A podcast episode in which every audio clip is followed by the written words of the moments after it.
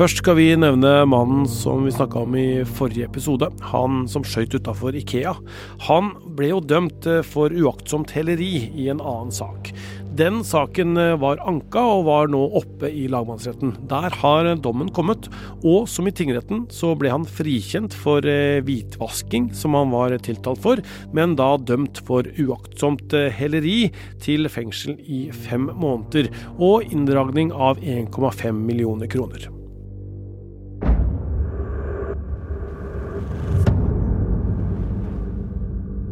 Har politiet funnet DNA fra andre moduskandidater i Birgitte Tengs-saken.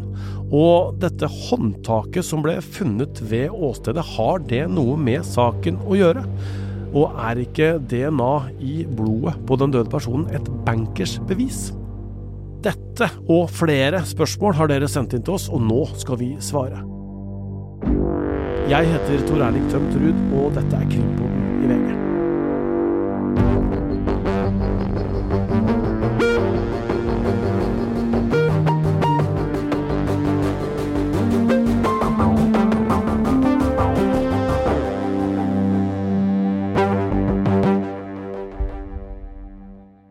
Birgitte Tengs blei funnet drept eh, ved Gamle Sundvei på Karmøy i 1995. Og nå pågår jo da ankesaken eh, mot Jonny Vassbakk, som er tiltalt for å ha drept henne den gangen. Og vi har jo da fulgt saken eh, underveis her, Øystein. Vi har ikke vært i selve retts, rettssalen selv, men har fulgt med på hva som har blitt skrevet, og mener jo i hvert fall at vi kan svare på en del spørsmål som har kommet inn fra våre lyttere. Det er jo mye som er som sist. Eh, vi var der i starten, og vi skal tilbake igjen nå til eh, prosedyrene. Men eh, mye av ankeforhandlingene har vært mer eller mindre en blåkopi. Det er jo særlig rundt da DNA at det har vært nye ting. Blant annet noen nye funn og at forsvarerne har eh, engasjert sin egen eh, DNA-ekspert, som jo også har vitna i retten. Eh, og det forteller oss jo det samme som vi har snakka om før i denne saken, at det spinner jo rundt DNA-beviset. Og så er ikke det alene alt hva det handler om, men hvis man tar det bort, så har man ingenting.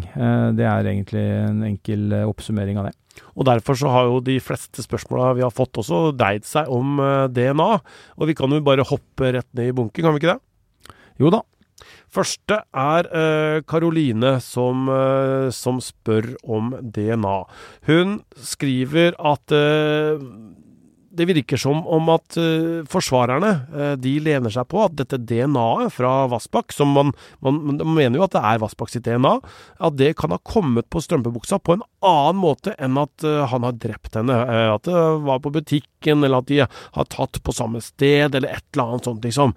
Og da spør hun, hvis det hadde vært sånn at DNA i straffesaker bare kommer da fra et eller annet sted, så vil jo aldri man kunne stole på DNA-bevis. Nei, det er jo eh, noe av argumentasjonen til uh, påtalemyndigheten uh, går jo i den retning at man må jo se på hvor DNA-funnet er gjort, og man må se på omstendighetene rundt, rundt det. og du, det er jo ikke sånn at det er heller mange DNA-spor, men det, som vi kommer tilbake igjen til, så er det jo da funnet noen tegn til andre på strømpebuksa.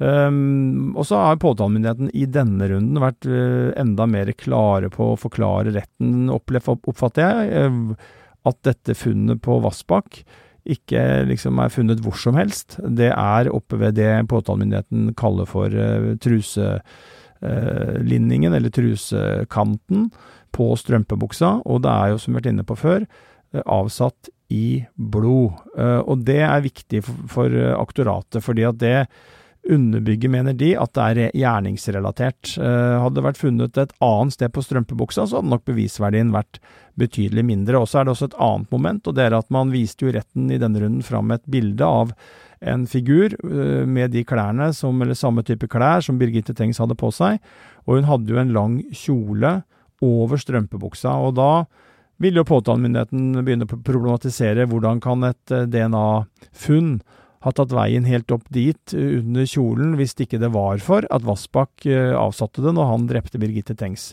Så vil nok forsvarerne si at det kan eh, for eksempel kanskje handle om hvis du har tatt og fått på si, Vassbakks DNA i hånda di, da, hvis, hvis, man tenker seg en teoretisk mulighet for at Birgitte har tenkt seg fått DNA fra Vassbakk i hånda si, og har vært på toalettet, trukket ned strømpebuksa, at det da kan ha satt seg der, og at da eh, blodet har havna der etterpå. Og så, og så veit vi jo da at Birgitte ble funnet med eh, strømpebuksa dratt ned mot eh, ankelen.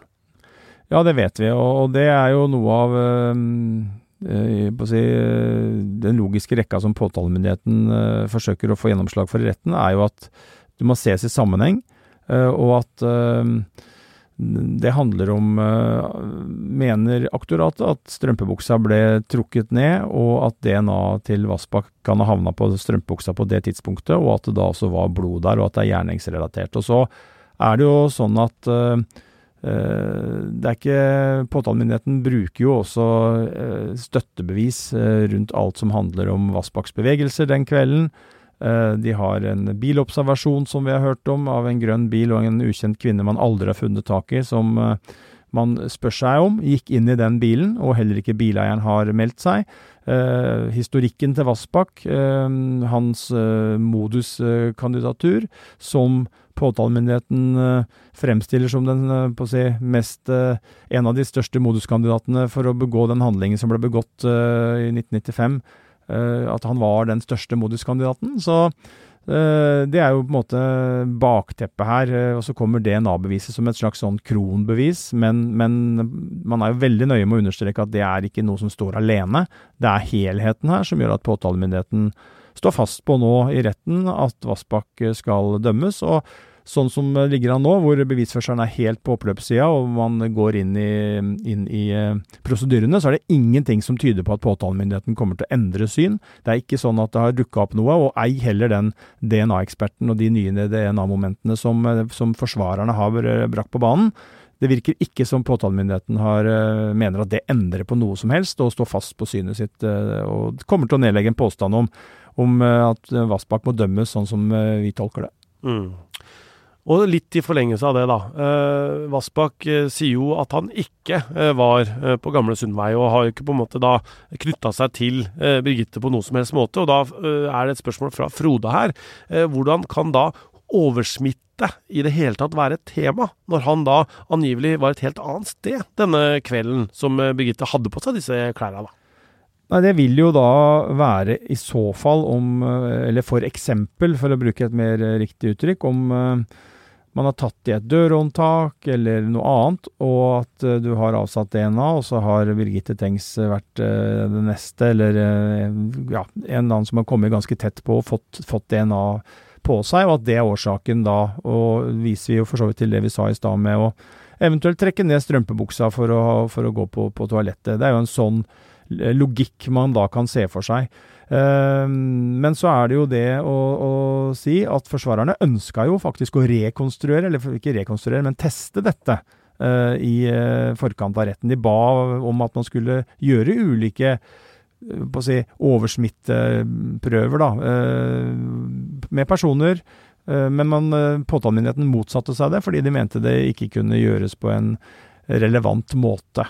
og så er det jo et poeng til, og det er jo at Eh, så langt vi vet, så er det jo ingen holdepunkter, eller det, er, har ikke vært noen informasjon, ikke noe sikker informasjon, som peker i retning av at Vassbakk og Birgitte Tengs sine veier kryssa hverandre øh, tidligere på kvelden øh, den, den, dagen. Uh, ingen opplysninger i Vassbakks bevegelser som trekker i retning av at han har vært på samme sted som Birgitte Tengs, uh, fram til han eventuelt Eh, kom i kontakt med henne eh, under eh, et drap. Og så er det sånn at Forsvaret, og da også Jonny Vassbakk, har bedt om å gjøre enda, altså ytterligere undersøkelser av det som er funnet, og man har jo da gjort det. Og da er jo teorien at, at disse andre funnene kan stamme fra en gjerningsmann. Det er på en måte det Forsvaret mener. Er du med på dette, Øystein? Ja. ja. Og da er jo et spørsmål fra Synnøve her. Hun spør er det ikke et selvmotsigende argument fra Forsvaret når de både forsøker å hevde at man ikke kan si at Vassbakks DNA-funn er knyttet til ugjerningen, men samtidig at de andre mikroskopiske funnene av en annen mann er fra gjerningsmannen. Jo, det kan man jo sånn rent logisk si, men da må vi peke på beviskravet. Fordi at eh, hvis vi tar en eh, teoretisk øvelse og skulle lagd en sånn prosentvis sannsynlighet ut fra antall eh, DNA-markører, da, så man, hvis man skulle sagt at en person er det, er det er såpass mye fra deg på en eh, gjenstand at det er 70% sjanse for at du er gjerningsmannen. Men så er det litt fra meg, så det er 15 sjanse for at jeg er gjerningsmannen. Og så er det litt fra produsenten vår, Ruth. Eh, Så det er 15% sannsynlighet for at hun er gjerningskvinnen. Så kanskje litt dumt med eksempel på kjønn og sånn, men la det ligge, dere skjønner hva jeg mener. Eh, Så vil jo du ikke kunne dømmes eh, i utgangspunktet på det. Hvis, det, var beviset, hvis det var det eneste beviset. Fordi at eh, 70% er jo ikke nok. Er, da blir det tvil. Og for å dømme noen, så må det være bevist utover enhver rimelig og fornuftig tvil. Og hvis dette DNA-beviset, da, hvis vi holder oss isolert sett til at det er det eneste man har, så ville man jo etter eh, beviskravet måtte frifinne deg, selv om det er sannsynlig, og kanskje veldig sannsynlig, eh, at du er en gjerningsperson, men det er ikke bevist godt nok.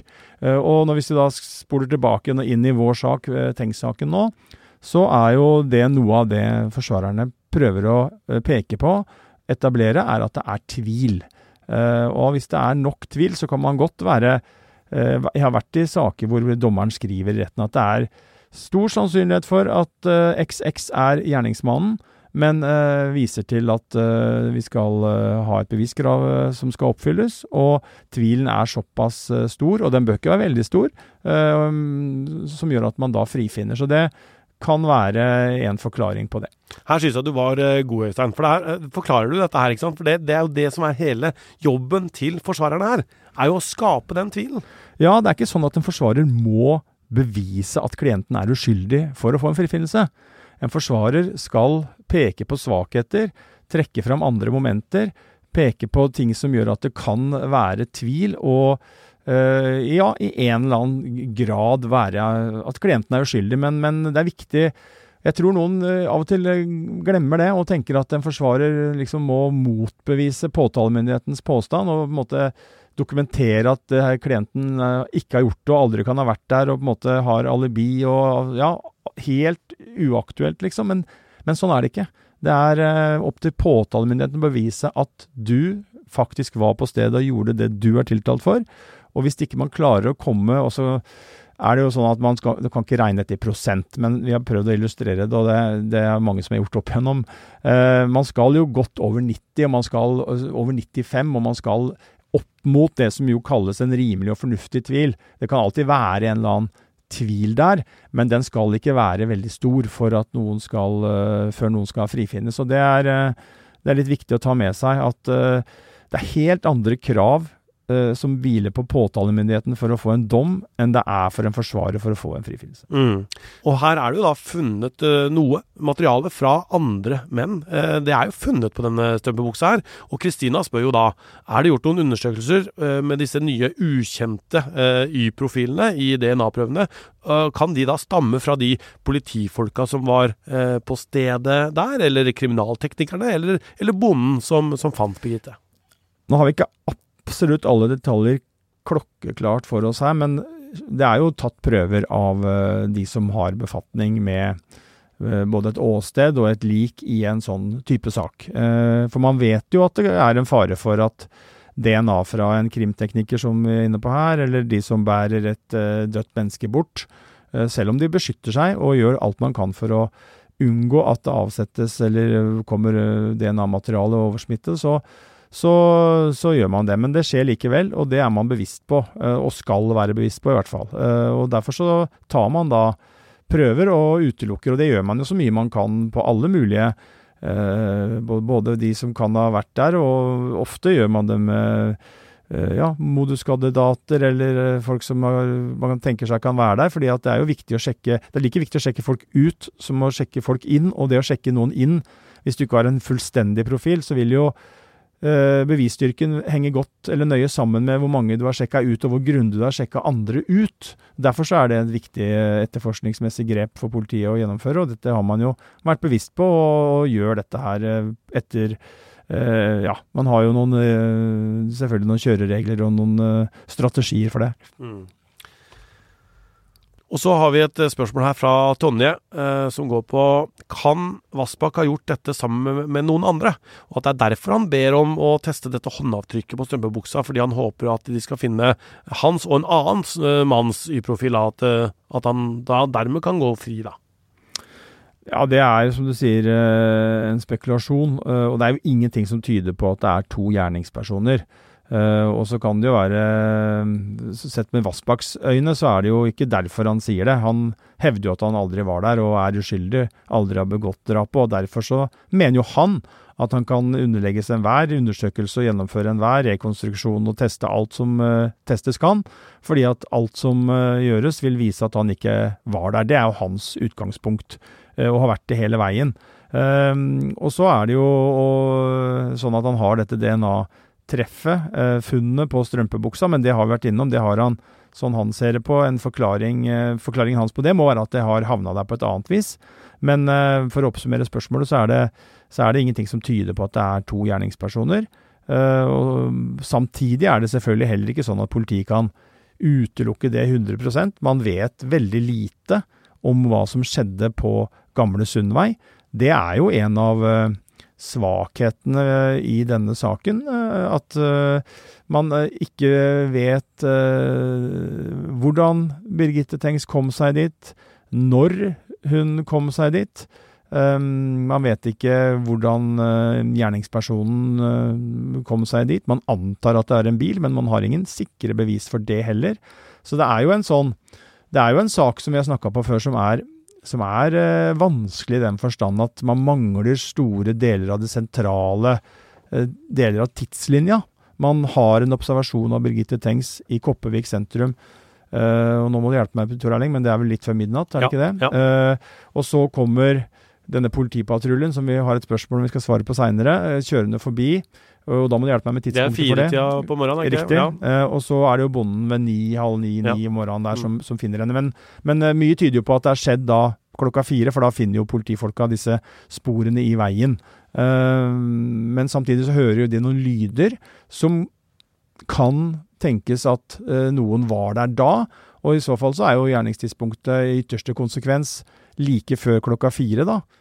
og det er for så vidt uavhengig av de lydene. Vi kan jo når man har et tidsrom fra klokka litt ved midnatt og fram til at de kommer klokka fire, så kan jo uansett drapet ha skjedd halv fire. Det, det, vet man ikke, men der har man fire, drøyt fire timer da, som står helt uh, åpne, og man ikke vet uh, noe annet enn at Birgitte Tengs på, et eller annet tidspunkt, på en eller annen måte, har kommet dit og blitt uh, utsatt for det forferdelige som skjedde, nemlig da et drap, og at minst én gjerningsperson har vært på stedet. Mm. Eh, Tonje spør jo også da videre eh, om alle de andre moduskandidatene som eh, politiet så på i denne saken her, eh, er testa for DNA, og, og, og, alle de andre som har håndtert eh, bevis osv. Hun stiller jo da hvor mange ble det samlet inn DNA fra?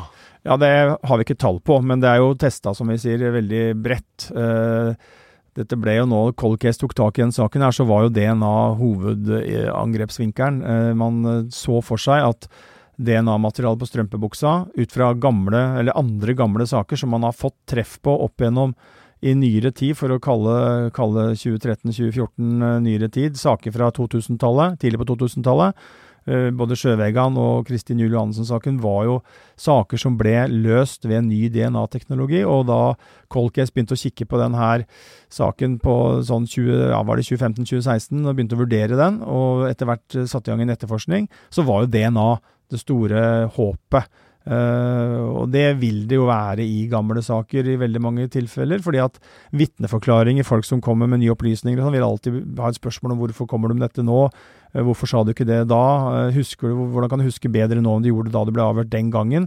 Så derfor så er det veldig ofte tekniske bevis, og da gjerne DNA som er håpet i gamle saker. Og det var nettopp det Cold Case hadde som et utgangspunkt, og derfor så brukte man mye tid på DNA.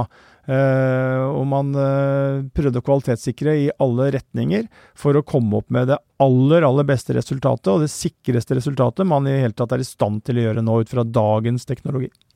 Og nettopp derfor også så har jo Krimpodden laga en egen episode om nettopp DNA. Jeg var jo på eh, Kripos, på DNA-laben DNA der, og, og prata med eksperter der. Den, den, heter DNA, De tause sporene. Den er tilbake fra 2021, men den er jo verdt å, å søke opp da, hvis du vil vite enda mer om dette her. Det er en god episode som jeg anbefaler. Og vi slipper ikke DNA i denne episoden heller, fordi Hege spør og Dette her synes jeg er et godt spørsmål. Eh, det er mye snakk om disse DNA-funnene nå, skriver hun, men får ikke helt tak på det med at eh, hans DNA faktisk er funnet på henne. Er ikke det bevist nok? Trodde sånne ting var bankers, jeg, skriver Hege. Ja, det kan man jo si som et utgangspunkt, og det er jo, jeg tror alle er enige om det i denne saken, at, eh, at det er jo spesielt at Vassbakks eh, DNA-spor fra han er på strømpebuksa til Birgitte Tengs eh, når de ikke har truffet hverandre, ikke møtt hverandre, ikke, ikke har uh, hatt noen kontakt. Og så mener jo da, også der er man nok, tror jeg, enig som forsvarer og aktorat, at det er, det er litt pussig. Og man søker da forklaring på det. Påtalemyndigheten har jo en forklaring. Den kjenner vi. Den mener at den skyldes at Vassbakk drepte Birgitte Tengs. Uh, forsvarerne har prøvd å finne andre forklaringer, og da er vi tilbake igjen på dette med oversmitte, annet. At Vassbakks DNA, klienten deres, har fått, eh, har på en eller annen måte, hans DNA har indirekte havna på strømpebuksa.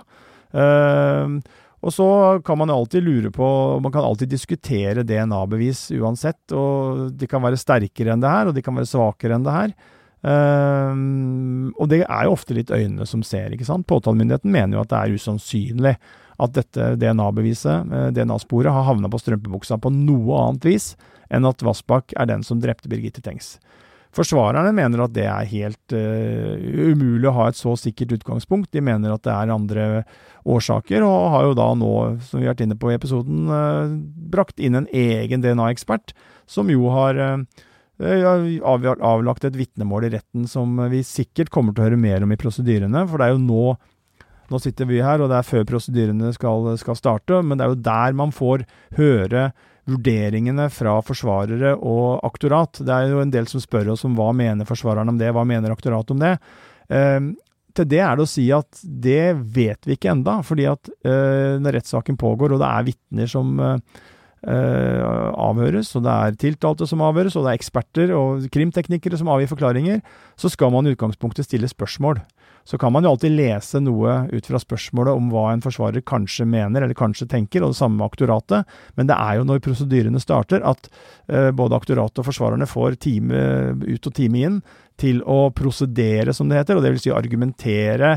Uh, presentere sitt syn, peke på ting som er, eh, de mener er sterkt, som er svakt. Og det er da vi får et mye bedre bilde av hva de faktisk mener, da, bare for å si det. Uh, for det er som sagt en del av spørsmåla som lurer på hva, hva mener politiet eller påtalemyndigheten om det, hva mener aktoratet om det.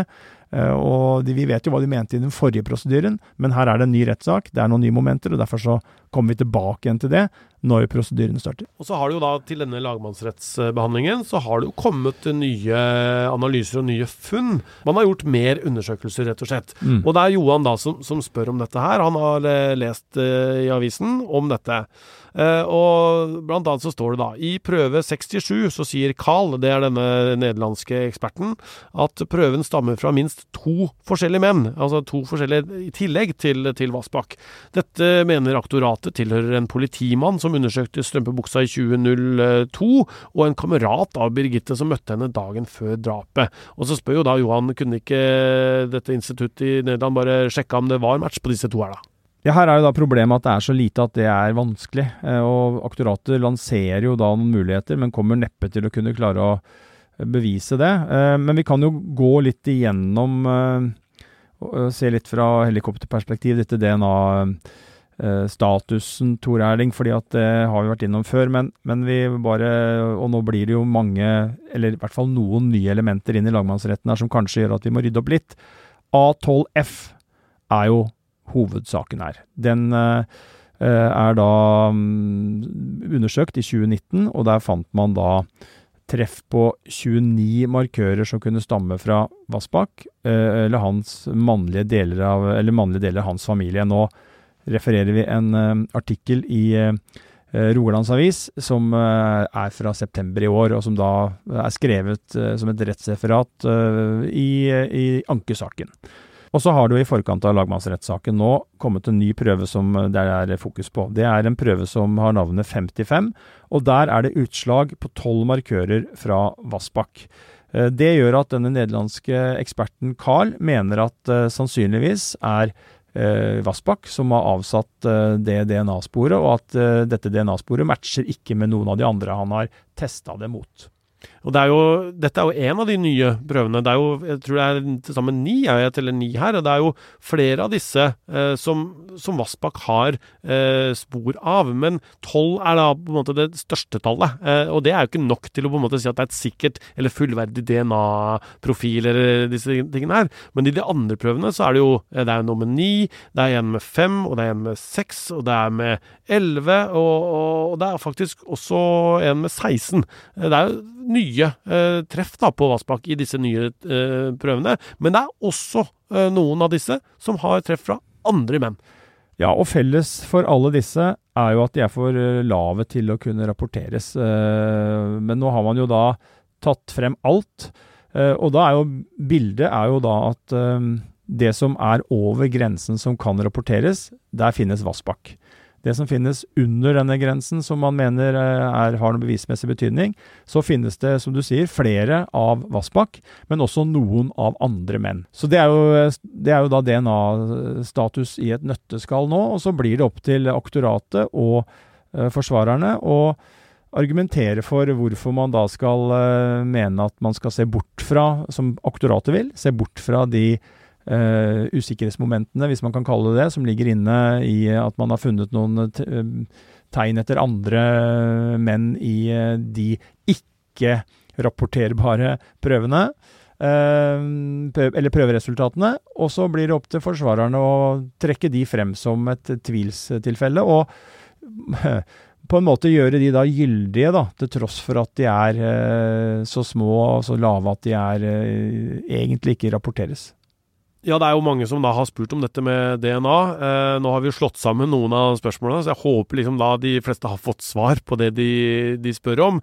Eh, Mia har også skrevet inn til oss. Hun har flere spørsmål, bl.a. om dette med DNA, men hun har også dette med at det er et håndavtrykk på denne strømpebuksa. Så har man da eh, sammenligna Vassbakk sitt håndavtrykk med håndavtrykket på strømpebuksa. Forsvarerne har jo forsøkt å, og mener at dette er et viktig poeng, eh, og de eh, har forsøkt å måle det. Men det som er problemet med dette såkalte håndavtrykket på strømpebuksa, er at det er ikke et, eh, på langt nær et helt eh, håndavtrykk. Og det er vanskelig da, å anslå nøyaktig hvor stort det er eller hvor lite det er. Så det der er veldig vrient å komme videre på, tror jeg. I hvert fall så sier jo da statsadvokat Tomset, Tomseth, eh, har jeg lest, at resultatene fra den undersøkelsen da, som forsvarerne har gjort, er så usikre at de kan verken bekrefte eller avkrefte noe som helst. Vi har jo sett disse bildene, og det er jo uklart i kantene, det såkalte håndavtrykket. Jeg sier såkalte, for det er vanskelig faktisk å være helt sikker på at det er det. Eh, ja, det ligner veldig, og man ser konturen, og jeg tenker jo det første som slår meg når jeg ser det, at her er det fingre av eller deler av et håndavtrykk. Men eh, jeg forstår for så vidt godt at det er vanskelig å si om det er eh, og det er ikke så stor forskjell på en del hender mellom ja, f.eks. menn. da, Så er det jo mange som har nesten like store hender, og da vil det være vanskelig å kunne si noe sikkert om det, og også opp mot Vassbakk. Fra håndavtrykk til fotavtrykk, fordi Tonje lurer på eh, om det ble tatt vare på bevis av fotavtrykket på grinda. Ja, fordi det er en grind der eh, Birgitte Tengs ble funnet, og der fant man da et fotavtrykk. Og hun spør jo da kunne man analysert dette og funnet eh, skostørrelse eller lignende, så på samme måte som i Ordre-saken. Ja, det er nok eh, så vidt jeg vet, deler av et fotavtrykk. Eh, og dette er jo satt på en planke, eh, og den er jo eh, Hvis man da ikke går på langs av den planken, så vil sannsynligvis ikke et fotavtrykk fange opp Eller hele skoen ikke bli fanga opp. Man hadde jo for så vidt vi gjorde jo analyser, og man sjekka jo sålemønstre, som nok var enklere å se noe ut fra på, på, mot fetteren, og fikk ikke treff på det. Men jeg tror det er vanskelig å fastslå ja, både hva slags type sko det var, eh, og størrelse. Og så er jo problemet nå at hvis man hadde kommet over den som hadde avsatt det avtrykket den gang da, og funnet skoen, så kunne man nok kanskje ha funnet ut at Jeg har mer tro på sålemønstre. Uh, og, en størrelse. Ja, og det er ganske da, mange som har lik størrelse. Også. Ja, jeg tror det. At det ville vært uh, Og i hvert fall sånn om det er 43 eller 45 uh, på en grind. Det vet man ikke heller. Nei, og man kan tenke seg, ja, som jeg sier, utendørs. Uh, kanskje da en litt sånn fuktig, gammel planke, hvis det var det, i en grind. Det var vel sånn den grinda ser ut i mitt hode, som jeg har sett bilder av den i hvert fall. Ja. Så, så er ikke det lett, altså. Uh, ok, vi går videre. Uh, Ida og Eirik lurer ca. på det samme. dette er med hår, hårfunn. Hvor står saken når det gjelder de ulike hårene som ble funnet på kroppen til Birgitte og i hendene til Birgitte? Hår er eh, sett på som veldig vanskelig å ha noe særlig bevisverdi rundt, i hvert fall sånn generelt. Altså klart Hvis det er hår i en hånd, uh, og man ser for seg at disse, disse, hårene må ha havna i hånda fordi at en person har gjort motstand mot noen, f.eks., så kan det være annerledes. Men i den saken her så har hår Forsvarerne har brukt litt tid på hår, men, uh, men det, ikke, det, er ikke noe bærende element i saken, noe som knytter seg rundt hår. Er, hår er jo lettere å, å, få på seg eh, hvis du går i en folkemengde f.eks. Og så er det jo sånn med hår at eh, med mindre du finner liksom rota, eh, så klarer du ikke på en måte lage noe DNA eh, ut av det. Nei, og det er jo som du sier, og nå er ikke vi ingen av oss noen håreksperter, men Uh, du har i hvert fall mye hår igjen. Det er mer enn deg, i hvert fall. Men det er, jo, det er jo, sånn at uh, man mister jo en del hår som uh, jeg ikke tror har rota nødvendigvis med seg. og det betyr jo at mange av de hårene man finner er, som du sier, vanskelig å bruke til noe særlig, og det er usikkert. og man det er ikke, for å si det sånn, Man sammenligner ikke DNA-spor med hårspor når det gjelder bevisverdi. Det er ganske stor forskjell på det ofte. Anders spør det er vel ikke bevist at beviset med Y-kromosomet er uh, avsatt med blodig hånd? Nei, det vet man ikke. Uh, det eneste man vet, er at det DNA-materialet som stammer fra Vassbakk, er avsatt i Birgittes blod på strømpebuksa. Og om det da kommer fra hånd eller hva det måtte være av DNA-materialet, det vet man ikke. Ingvild uh, har eh, lest seg opp på denne saken her, fordi hun har fått med seg at uh, Grete Strømme, som da har vært en slags privatetterforsker i denne saken her, hun fant en bildel som muligens kunne ha blitt brukt som et drapsvåpen. Hva er status på det? Det har vel ikke vært veldig mye fokus på det i uh, rettssaken, men man Kriminalteknikerne mener at det ikke er forenlig med med at det er et drapsvåpen. Man mener tvert imot at det er snakk om uh, bl.a. Uh, noen steiner som har vært uh, mer fokus på. Denne bildelen er jo et slags bilhåndtak som ble funnet i nærheten av der Birgitte Tengs ble funnet. Og helt riktig at Grete Strømme har jo brukt en del tid på dette. Eh, Påtalemyndigheten sa i hvert fall i forrige runde at eh, den eh, klarer ikke de klarer ikke å koble den til drapet. Eh, og den har også rusta opp, sånn at det er vanskelig å gjøre nye undersøkelser. I hvert fall de sa vel at det var umulig.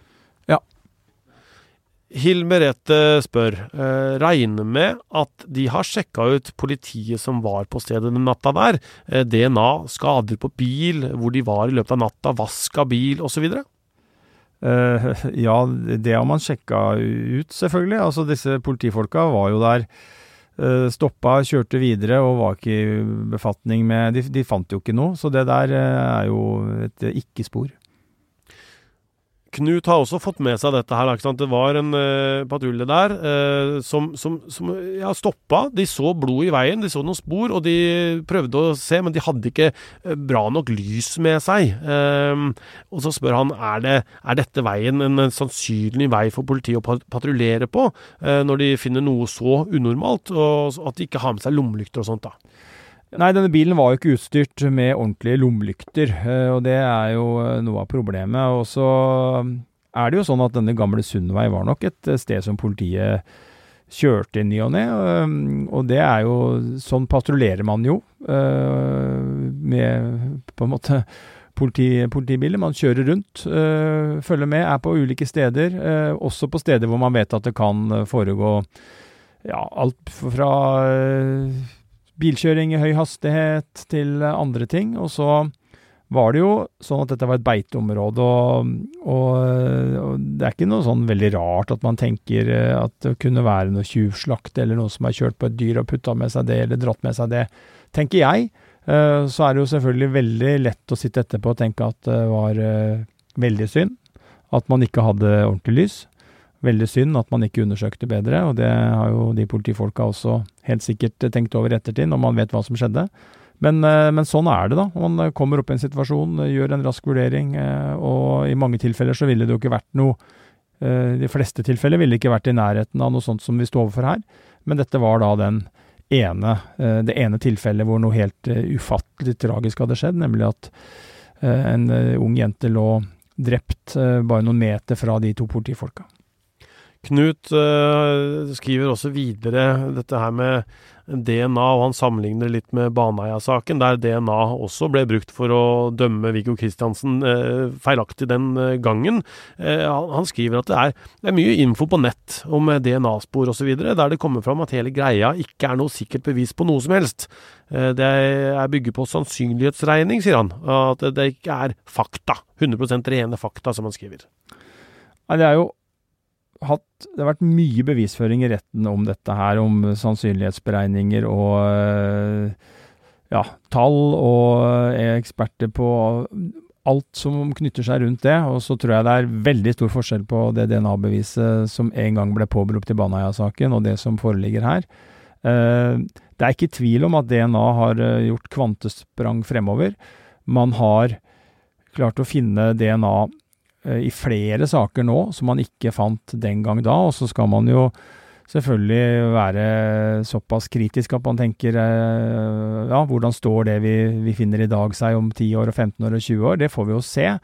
Men uh, man har jo nå funnet DNA-spor i, i, ikke bare denne saken, men som vi er innom, Kristin Juel Johansen-saken, fant man DNA-spor fra, fra en og, de matcha jo en kar i den saken som eh, det var mange andre bevis som pekte mot. Annet at han hadde en veldig veldig spesiell motorsykkel. eh, som det var stort sett bare han, så vidt jeg husker, som hadde i det området, og som var sett på stedet. Eh, og det var også andre bevis. Eh, litt uten, samle, uten, uten, å, forhåndsdømme Vassbakk, så var det jo den samme beviskjeden litt som politiet, eller påtalemyndigheten, anfører nå. Det var et samla bilde, men så fant man jo da denne Eh, men da hadde man et sikkert et full DNA-profil, så vidt jeg husker, på han. Og det samme gjaldt jo Sjøvegan, eh, hvor man hadde en person som eh, hadde vært i den DNA-profilen man til slutt dømte vedkommende på, var jo tilhørte en mann som hadde en tilknytning til offeret der. Og så har vi jo Orderud-saken sist nå, hvor man har funnet en, et DNA-spor. Det er vel heller ikke en full profil, men eh, man mener jo at eh, med all grad, eller stor sannsynlighet, stor grad av sannsynlighet, heter det, eh, er Kristin Kirkemo som har avsatt den. Og det er jo også et DNA-spor som da samsvarer med det påtalemyndigheten mente var andre opplysninger i den saken. Hun var jo tiltalt i sin tid, ble frikjent for det attentatforsøket. men nå har man da funnet et nytt bevis som politiet mener, og påtalemyndigheten mener snur den saken litt. Så det er jo, det er jo øh, Hvis man skal liksom trekke den tankerekka videre, da, så er det jo sånn at de nye DNA-analysene som alle ekspertene er enige om er bedre og sikrere og fungerer på alle nivåer mye bedre enn det har gjort før, så, så, er det jo stor forskjell på det og, og DNA fra 2000. Problemet vet du, Øystein, er at uh, teknologien har blitt så bra at man finner altfor mye uh, eh, DNA. Sånn at andre beviser blir jo faktisk uh, enda viktigere for å både utelukke og bekrefte. da.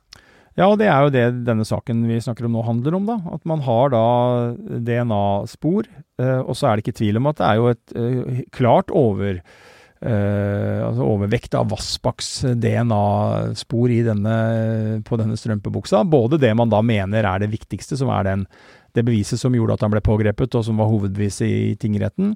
Uh, men vi har jo da kommet til et nytt uh, som vi er inne på, et nytt et som slår ut på tolv markører, og flere andre prøver som slår ut på noen markører. Men så har det dukka opp da treffer av noen andre med veldig få markører. og Da blir det opp til retten til slutt da å vurdere hvordan man skal lese dette her.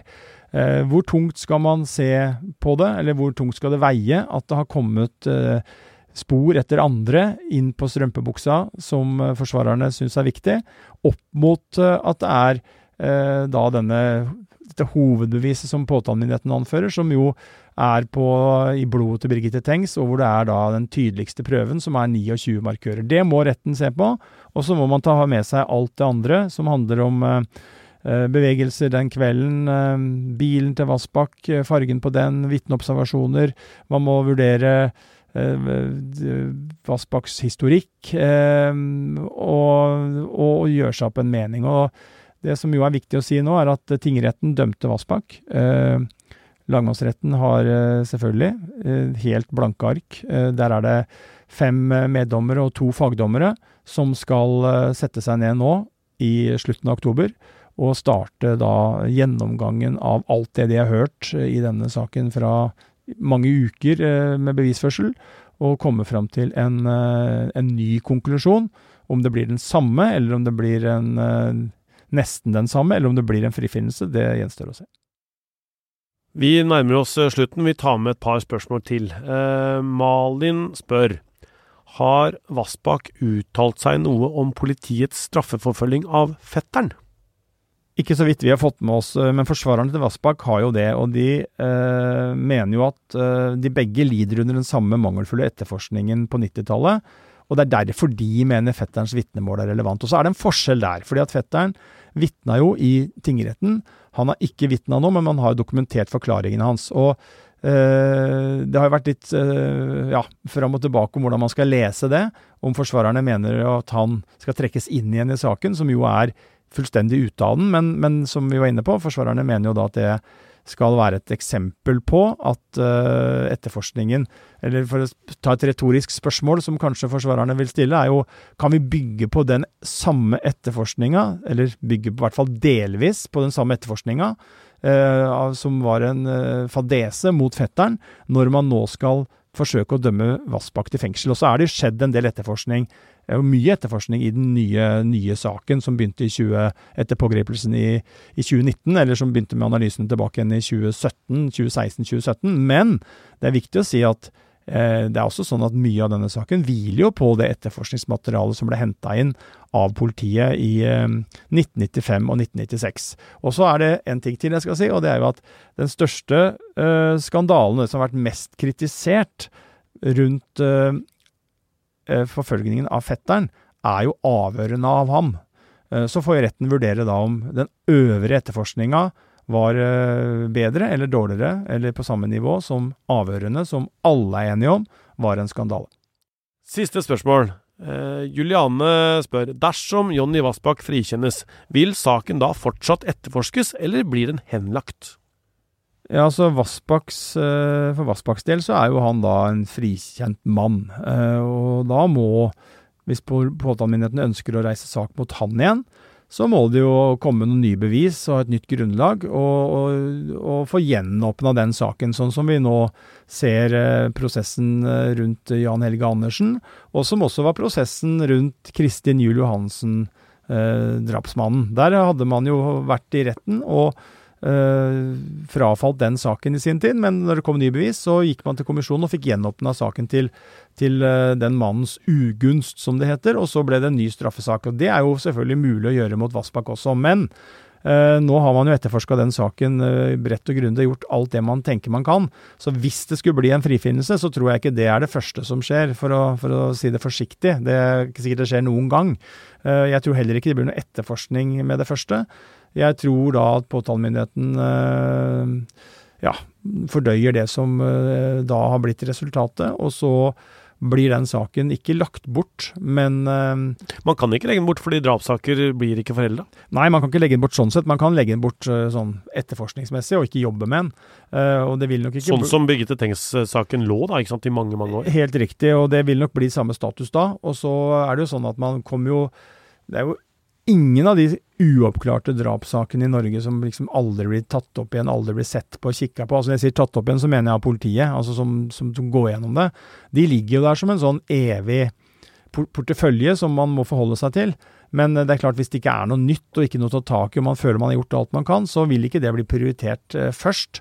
Uh, og så har man jo da Coldcase, uh, som ser på en del gamle saker, og så har Coldcase allerede sett på denne saken. Så ja, jeg tror vi skal vente og se hvis det blir utfallet. Da, da, da spår jeg nok at det i hvert fall blir en del år uten at det skjer uh, noe særlig, med mindre det dukker opp noe helt spesielt fra, fra oven. Og noe av det som jo kan komme fra det jeg kalte oven, da, det er jo at det blir ny DNA-teknologi. At den går Den er jo en utvikling, og der skjer det jo noe hele tida. Og hvis det da kommer eh, nye metoder, ny kunnskap, ny viten som gjør at man på et eller annet vis kan eh, se de resultatene og den, de konklusjonene som er trukket i denne saken i et nytt lys, så vil jo det være interessant, enten det er i den ene eller den andre retning. Ja, Vi hørte jo da at disse prøvene er frysende nettopp pga. Uh, dette formålet. Det er det, og det er bra at man har den muligheten. For uh, jeg tror ikke vi skal sitte her i dag og tenke at uh, det man eh, skjønner og vet og, konkluderer med i dag, at det nødvendigvis står til evig tid. Det har vel historien lært oss at det eh, behøver ikke være sånn.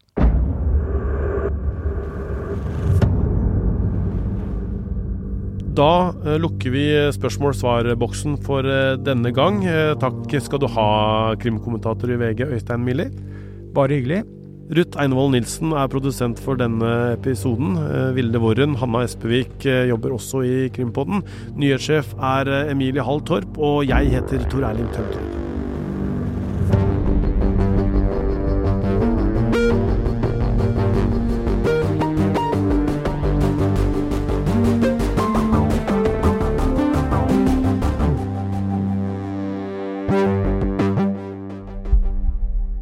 Du har hørt en podkast fra VG. Ansvarlig redaktør, Gard Steiro.